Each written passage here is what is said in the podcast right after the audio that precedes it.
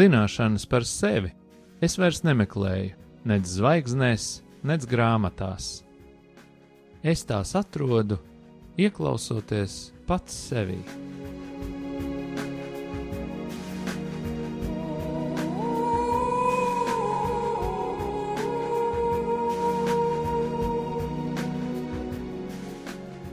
Raidījums Mīlestības terapija top mīlestības mājai, sadarbojoties ar profesionālo pastorālās konsultēšanas asociāciju. Sarunas par sevi, dzīvi, psiholoģiju un dvēseles terapiju.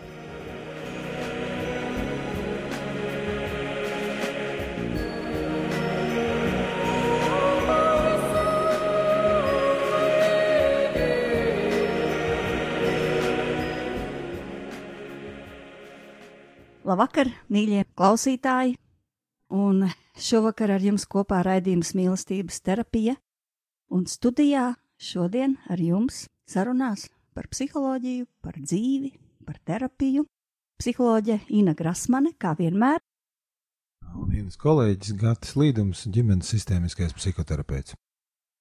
Jā, kā jūs redzat, raidījums mīlestības terapija attīstās. Tas maina savu formu, kā mazs bērniņš, kas aug un iet no attīstības posma uz attīstības posmu, arī mēs augam. Un nu jau no mūsu mazās iniciatīvas, kur mēs daži speciālisti sanācām kopā, lai radītu platformu, kurā mēs varam parunāt no tāda speciālista viedokļa par psiholoģiju, par dažādiem cilvēku dvēseles jautājumiem, dzīves aspektiem, ir izveidojusies profesionāla konsultēšanas asociācija, kuru mēs saucam par pastorālās konsultēšanas asociāciju, jo tai ir kristīgs pamats.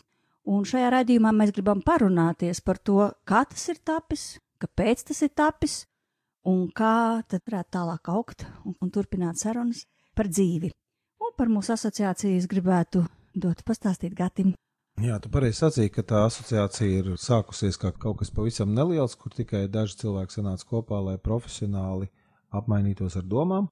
Līdz pagājušajā pavasarī tā doma vai arī tā iniciatīva ienācās līdz tādam līmenim, ka bija skaidrs, nu, ka mūsu ir vairāk nekā mums likās, un ka mūsu kļūst ar vien vairāk. Un jebkādā profesionālā jomā vai jebkādā profesionālas darbības laukā, kurā pienāk brīdis, kad profesionāļu kritiskā masa sasniedz vienu zināmu līmeni, Nu, tad, protams, ka ir jāpāriet jaunā līmenī, un tā tad mūsu pāriešana jaunā līmenī bija arī tā, ka mēs nolēmām izveidot un oficiāli arī reģistrēt profesionālo pastorālās konsultēšanas asociāciju, kur tad arī apvienot cilvēkus, kuriem ir profesionālās iemaņas gan konsultēšanā, un šeit es gribētu uzreiz teikt, visāda veida konsultēšanā, jo konsultēšana ir ļoti plašu lauku aptverošs vārds. Tā ir psiholoģiskā konsultēšana, tā ir psihoterapeitiska konsultēšana. Tās var būt vēl dažādas citas konsultēšanas formas no vienas puses, un tie ir cilvēki, kas to ir izmācījušies, izgājuši internetūras un iet supervīzijās un strādā ar klientiem. Un no otras puses šie cilvēki ir arī ļoti labā līmenī izglītoti teoloģiski. Tātad viņiem ir šīs abas kājas, uz kurām viņi diezgan stingri stāv. Un šī asociācija tika iecerēta kā tāda vieta, kur arī šīs abas kājas var trenēt. Piekam nevis, kā tas daždien iznāk sadzīvē, ka viena kāja ir uztrenēta ļoti muskuļaina un resna, un otra ir tāda, nu, kā 11 gados, tāda patieva. Ja, bet mūsu nolūks un mērķis un arī vēlme ir abas kājas uztrenēt vienādi stipras tad arī cilvēks var ļoti efektīvi kustēties uz priekšu un pārvarēt dažādus apgrūtinājumus ceļā, ja viņam ir labi trenētas un simetriski attīstītas kājas. Nu, lūk, apmēram tā ir tā ideja aiz uh, domas par asociāciju. Jā, es atceros, mēs vienreiz kādā seminārā abi runājām par šo asociāciju, un kāds cilvēks jautāja, ar ko tad tas pastorālais konsultants atšķirās no jebkura cita terapeita vai psihologa konsultanta vai jeb kāda cita speciālista, kas konsultē tieši psiholoģiskā tādā ziņā jomā.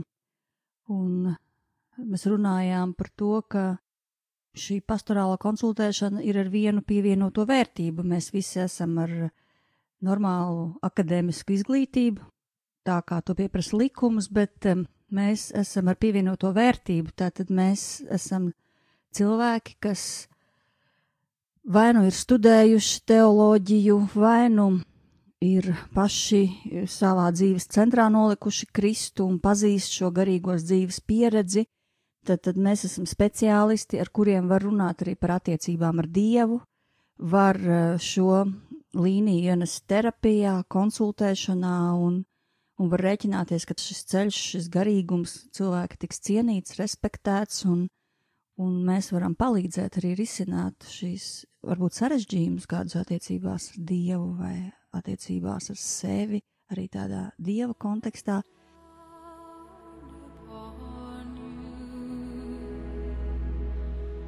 May it be when darkness falls, your heart will be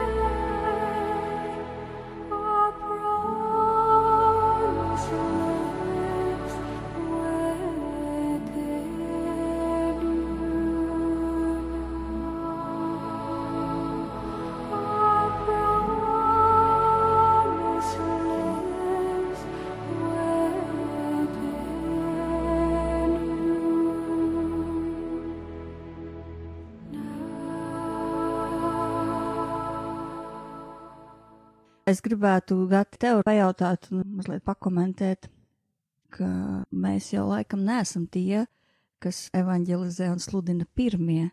Ja pie manis atnāk cilvēks un stāsta par savu depresiju, tad mēs neesam tie, kas iet virsū ar tādu ticības apliecinājumu vai kā tas ir konsultēšanā. Nu, ļoti labs jautājums. Taču nu, te, te man gribās atkāpties ar tavu atļauju diezgan tālā pagātnē. Un um, šeit ir jāsaka, ka tieši pastorālās konsultēšanas jomā tā ir tāda gaužām bēdīga joma manā uztverē. Jo, ja Latvijai kā valstī vispār ir diezgan raksturīgi uh, mazliet vilkties astē dažādiem procesiem un dažādām lietām, kuras notiek citur pasaulē, un parasti to mēs tā ar, ar draugiem kādreiz esam runājuši. Gaļu cepot ugunskurā, ka Latvija vidēji atpaliek nu, par 10-15 gadiem dažādās eh, izpratnēs vai, vai, vai sociālos, publiskos procesos. Nu, vienkārši mēs esam tur, kur mūsu, nezinu, strateģiskie partneri vai, vai Eiropas Savienības kolēģi ir bijuši pirms apmēram 15 gadiem. Un tad mēs lēnām ķeram rokā. Tad pastorālā konsultēšana, tā kā tā tagad ir nosaukta, kas atkal ir atsevišķs stāsts, kāpēc viņa tieši tā ir nosaukta Latvijā, tad pastorālā konsultēšana uh, ir iekavējusi savu gaitu nu par gadiem 30. Apmēram salīdzinot ar to, kā tas notiek Eiropā vai Amerikā. Tā kā tie ir apmēram 30 gadi, kas arī nav pārāk nesaprotami, tāpēc, ka tieši tajā nu, teoloģiskajā tradīcijā bija tas 50 gadu pārāvums, par kuru mēs visi zinām, un teoloģija vispār kā zinātnē ir ļoti daudz kas jānoķer, jo teoloģija tīri chronoloģiski atpaliek 50 gadiem. Ja? Varbūt ir dažas jomas, kurās ir labi atpalikt un neskriet līdz baram, bet ir dažas jomas, kurās tiešām ir žēl, ka tu esi atpalicis un tad tev ir jānoķer. Nu, pastorālā konsultēšana noteikti, ka joma varbūt, ka teiksim, ka visus 50 gadus mēs atpaliekam. Ja, bet nu 30 ir noteikti. Mēs šobrīd runājam ļoti nokaitēti un, un enerģiski par to, par ko principā rietumu pasaulē jau izrunāja 80. gadu vidū iepriekšējā gadsimta. Nu, mēs esam tur šobrīd. Ja? Tātad šī saruna mums ir jāizrunā mūsu teritorijā ar mūsu rīcībā esošajiem instrumentiem, un tā saruna jau būtībā ir tieši par šo, ar ko tad jūs atšķiraties. Un ja cilvēki tā ļoti vienkāršot pie šim jautājumam, Viņi saka, nu, pagaidi, ja es būšu slims ar galvu, tad es iešu pie vai nu psihiatra, vai nu tur pie attiecīgi kaut kāda garīgā, nu, psihiskās veselības jomas profesionāļi. Nu, tad, ja man būs garīgs jautājums, nu, tad priekš tam ir priesteris un priekš tam ir visi žēlstības instrumenti baznīcā, un tad es iešu tur. Un priekš kam jūs tādi esat vajadzīgi? Nu, tas ir tātad, nu, kaut kāds 80. gadu vidus jautājums rietumu pasaulē, varbūt pat 70. gadu beigu jautājums atsevišķos gadījumos. Un uz šo jautājumu mūsu kolēģi un profesionāļie māsas brāļi ir atbildējuši ļoti sekmīgi pirms jau vairākām dekādēm, ka tās jomas, piemēram, ja mēs skatāmies cilvēku psihisko veselību, kas vairāk iederētos psihiatrijas jomā vai psihiatrijas medicīnas nozarē, būtu precīzāk teikt, ja, un cilvēka garīgā veseluma vai veselības jautājums, kas iedarās baznīcas, tātad dārziņā, tad uh, nav tā, ka priesteris, kurš kalpo kaut kādās draudzēs, vai mācītājs, ka viņš var pilnīgi visu cilvēku, visus jautājumus aptvert. Tas vienkārši nav iespējams. Un es eh, pat nevarētu saskaitīt, vien, cik daudz gan priesteriem, gan protestantu mācītājiem es esmu par to savā laikā runājis tādās, nu, vienkārši sadzīviskās sarunās, ja, kur viņi paši ļoti godīgi atzīst, viņi saka, bet mēs jau netveram laukumu. Nu kā, nu man ir jāsagatavo tur, nezinu, sauciet kā gribiet, man sprediķis, svētruna, homīlija, man ir jāsagatavojās dievkalpojumam vai. Un man jau nav laika vispār, nu izsekot, kas tur ārā notiek, ja? Un tas pats ir arī jāsaka par mediķiem, par dakteriem, kas strādā cilvēka psiholoģiskās veselības jomā. Jo bieži vien es arī ar viņiem esmu daudz runājis, arī viņiem pieraksti ir tik pilni, ka viņiem jau vienkārši vairs neatliek laika, kur vēl tās perifērās lietas eh, apskatīt, kur viņām veltīt laiku, kur vispār saprast, kas notiek. Un tāpēc pastorālo konsultantu, vai viņus arī neredz sauc atšķirīgi dažādās valodās, kuras nav latviešu valoda, bet, nu, doma paliek tā pati. Šie pastorālie konsultanti, viņi ir tādi, tādi laipas metēji. Pāri, ja mēs tā varam izteikties, tādam krāčainam strautam, kuram vienā krastā stāv psihiatri, kuri glābi teiksim, psihiski neveselus cilvēkus, otrā krastā stāv priesteri un mācītāji, kuri glābi pazudušus cilvēkus garīgā izpratnē. Bet nu, kaut kā tur ir jātiek no viena krasta uz otru arī reizēm, un tad pastorālajie konsultanti ir tie, kas met tās laipas. Tas būtu tā, lai nesakoties. Profesionāli runājot, pastorālajie konsultanti ir tie, kas šīs abas jomas ļoti prasmīgi integrē. Nu, vai, teiksim, ideālā variantā mēs gribam, lai viņi to dara ļoti prasmīgi. Kāpēc? Tāpēc, ka mēs gribam, vispār mēs dzīvojam starpdisciplinārā laikmetā. Ir ļoti grūti, vienalga, vai tas ir bizness, vai tā ir ražošana, vai tā ir politika. Kaut vai ņemam politiku, ok, ir ļoti grūti būt tādam vienas jomas cilvēkam. Laikmets ir tāds ar nenormālu informācijas plūsmas intensitāti, ar ārkārtīgi daudzām lietām, kuras attīstās notiekumi, par ko mēs uzzinām. Laikmets ir tāds, kurš paģēra un pieprasa lai tu būtu starpdisciplinārs cilvēks, ja tu vispār gribi būt kaut kādā veidā pamanīts, atbilstošs un, un, un, un vajadzīgs šim laikmetam. Vai nu, diemžēl, vai par laimi, mēs esam iegājuši tādā laikmetā, kurā vienas jomas speciālisti vairs nav ļoti pieprasīti. Izņemot, protams, ja tev saplīst ļoti vērtīgs pulkstenis, tad tu ej pie vienas jomas speciālista, kurš ir pulksteņmeistars, bet varbūt pat viņš vairs nav viens jomas speciālists, jo viņš labo arī datorus un arī lietus sargus, nevis tikai pulksteņus, kā tas varbūt bija pirms simts gadiem. Nu, un tam līdzīgi, ja pat tajās jomās jau notiek kaut kāda krustošanās, kur nu vēl šī garīgās veselības vai garīgās aprūpas jomā. Un tātad tie pastorālie konsultanti pēdējos 30, 40 gados rietumu pasaulē ir izrāvušies ārkārtīgi uz priekšu, kā tie cilvēki, kuri spēj inteliģenti un garīgi atbildīgi integrēt garīgos, eh, teiksim, garīgās un psiholoģiskās veselības jautājumus nenodarot pāri nec vienai pusē, nec otrai pusē. Un, eh, ja teiksim, rietumos mūsu kolēģi jau tādu ļoti paliekošu vietu zem saules ir iekarojuši, un viņi, starp citu, kas ļoti interesanti, braukājot regulāri uz kongresiem ārzemēs, es to redzu, ka viņi arī ir iemantojuši ārkārtīgi lielu cieņu. Gan tieši no garīgo vadītāju puses, kas ir nu, mācītāji, draugu vadītāji, gan arī no mediķu puses, kas nodarbojas psihiatrijas laukā. Abi šī krāšņā strauta krasti rietumos ļoti ciena tos laipus metējus. Nevis konkurē ar viņiem, nevis mēģina viņus apspiest, nevis mēģina viņus izstumt no tirgus, bet viņus ļoti ciena. Jo ir saprasts, ka viņi spēj uzlabot situāciju tur, kur krastos stāvētāji tīri fiziski nespēja. Jo cilvēks nevar visu. Viņš var ļoti daudz, bet nevar visu. Ja? Tātad tā ir tā mūsu doma, ka mēs varbūt pateicoties šai asociācijai, nu, viņa ir tikko radusies, bet ja viņa attīstīsies, kā arī mēs varam būt tie, kuri tā stāv pa vidu abiem šiem krastiem un saka, klau. Vienā pusē mums ir zināšanas par šo, otrā pusē mums ir zināšanas un pieredze par šo. Un tad pa vidu ir konkrētais cilvēks, kurš ir iesprūdis šīm abām jomām pa vidu. Mēs esam ar mieru būt tur vidū. Ja, ja viņš būs vienā vai otrā malā, jūs dariet savu darāmo, bet tā, ka viņš būs vidū, tad jūs pasauciet mūs, jo mēs esam trenēti, izglītoti, mācīti būt vidū.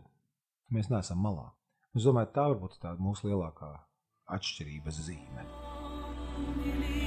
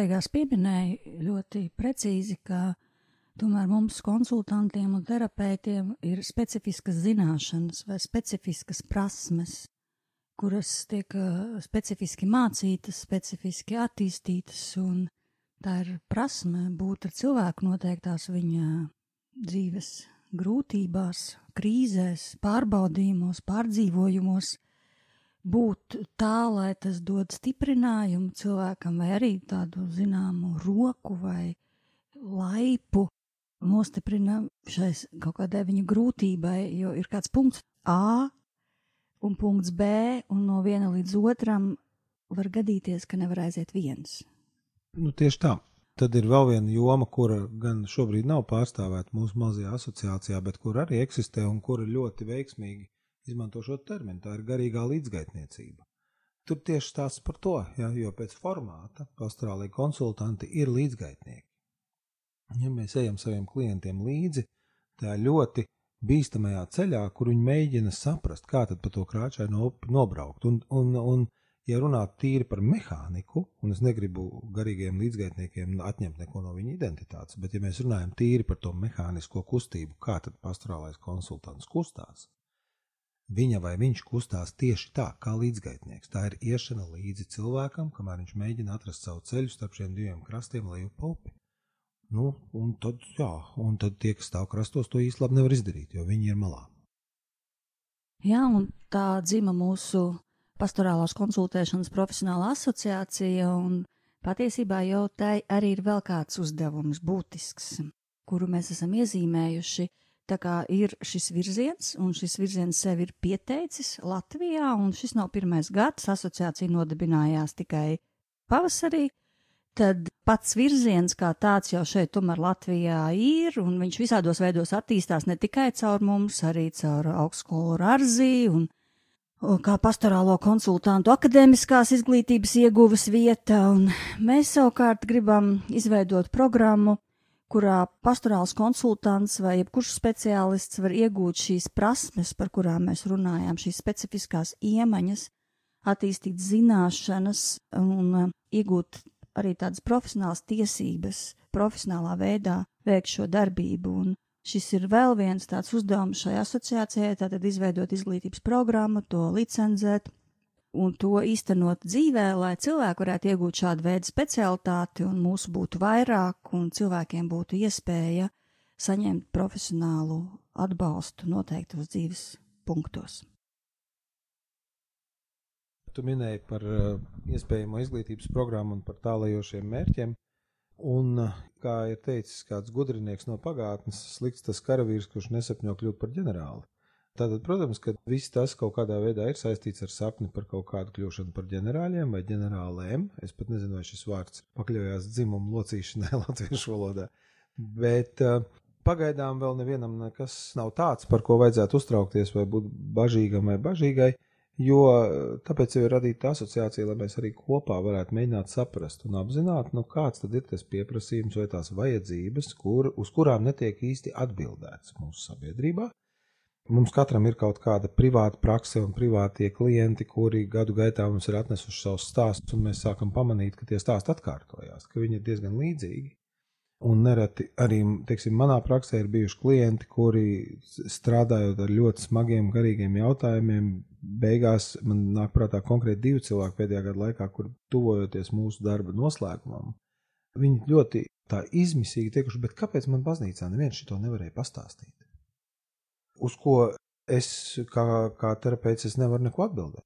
Es esmu pieņēmis šo jautājumu zināšanai, bet tas jautājums ir tāds izmisums caurvīts. Nu, kāpēc man baznīcā neviens šito nevarēja pastāstīt? Es tur eju katru nedēļu, gadiem. Es to dzirdu šeit pirmo reizi. Un mēs šeit nerunājam ne par kaut kādām muļķībām vai herēzēm. Mēs šeit runājam par pamata garīgās gudrības jautājumiem, par to, kā tad garīgi, inteliģenti un gramatiski pareizi dzīvot savu dzīvi. Tikai konsultants to bieži vien pasaka tādā saprotamā veidā. Tā ka pielec uzreiz un aiziet līdz kaulam. Un es domāju, ka, ja šie jautājumi iekrāsies un sabiezies, protams, ka tur vajadzētu būt kaut kādai attiecīgai programmai, nu sauksim to tā, kura tad mēģina sistemātiskā veidā apzināt šo jautājumu loku un arī tās atbildes, kādas ir pieejamas, vai arī tieši kā tās ir iepakojamas, iesaiņojamas, ierāmējamas, tā lai viņas būtu atbilstošas tieši tām vajadzībām, kuras tad tur uz ielas ārā ir. Es domāju, ka tas var eventuāli novest pie kaut kādas apmācību programmas, vai treniņu programmas, vai, kā tu teici, iemaņas. Jā, nu, iemaņas, protams, kā radās iemaņas. Iemaņas radās, ja viņas slīpē. Tad viņas attīstās, nu, viņas radās savādāk, bet viņas attīstās tad, ja viņas slīpē. Viņas jāslīpē, jā. Un, un šī gadījumā, jā, ļoti skaidri parādās tas, ka konsultatīvās profesijās, vienalga vai tie būtu psihoterapeiti vai psiholoģiskie konsultanti vai vēl kaut kādas citas konsultējošās profesijas, Ka, ka, kāpēc ir tā, ka pie vecākiem terapeitiem ejot, nu, mēs runājam šobrīd par vispār tirgu tur ārā, ja nevis par baznīcas apriti, ja, kāpēc ejot pie vecākiem psihoterapeitiem, tu parasti maksā dārgāk?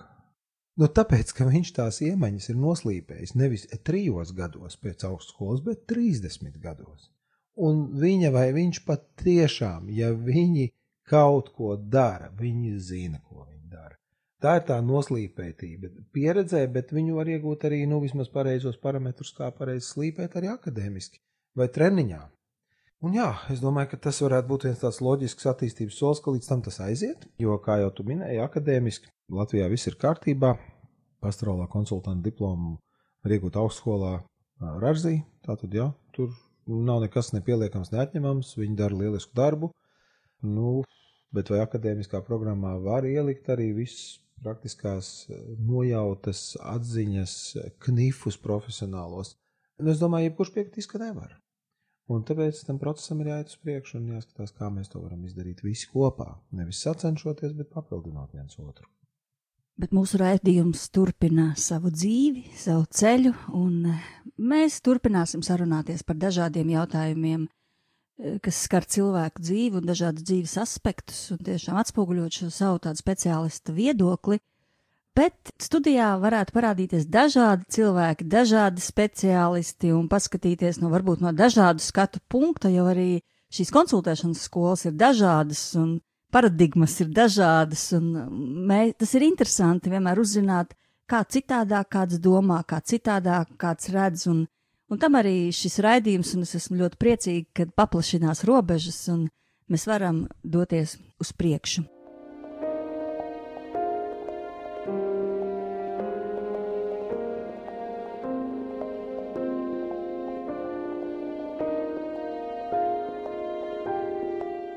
Kā vienmēr neatkāpsimies no mūsu ierastās tradīcijas, noskaņosim savus sirdis, pagriezīsim tās pret kungu atvērsim tās, sagatavosim lūgšanai un lūgsim par visu to, ko mēs šeit esam runājuši. Gan šeit, studijā, gan tur ārā mēs ieliekam tavās rokās visu, par ko mēs esam runājuši, domājuši, cerējuši, sapņojuši.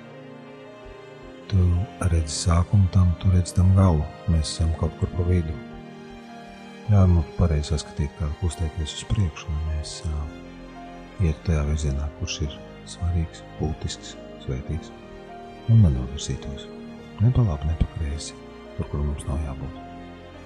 Lūdzam par visu šo projektu, Tavu svēto asiņu aizsardzību, un mēs lūdzam, Kungs, ka Tavs svētā virs spēks mūs pavada, gan mūs, gan tos cilvēkus, kurus, kuri atnāk pie mums, lai mēs viņiem palīdzētu, lai Tavs svētais gars arī pavada visu šo asociāciju un šo kristīgo konsultantu kustību. To visu mēs lūdzam Dieva Tēva, Dēla un Svētā gara vārdā. Āmen!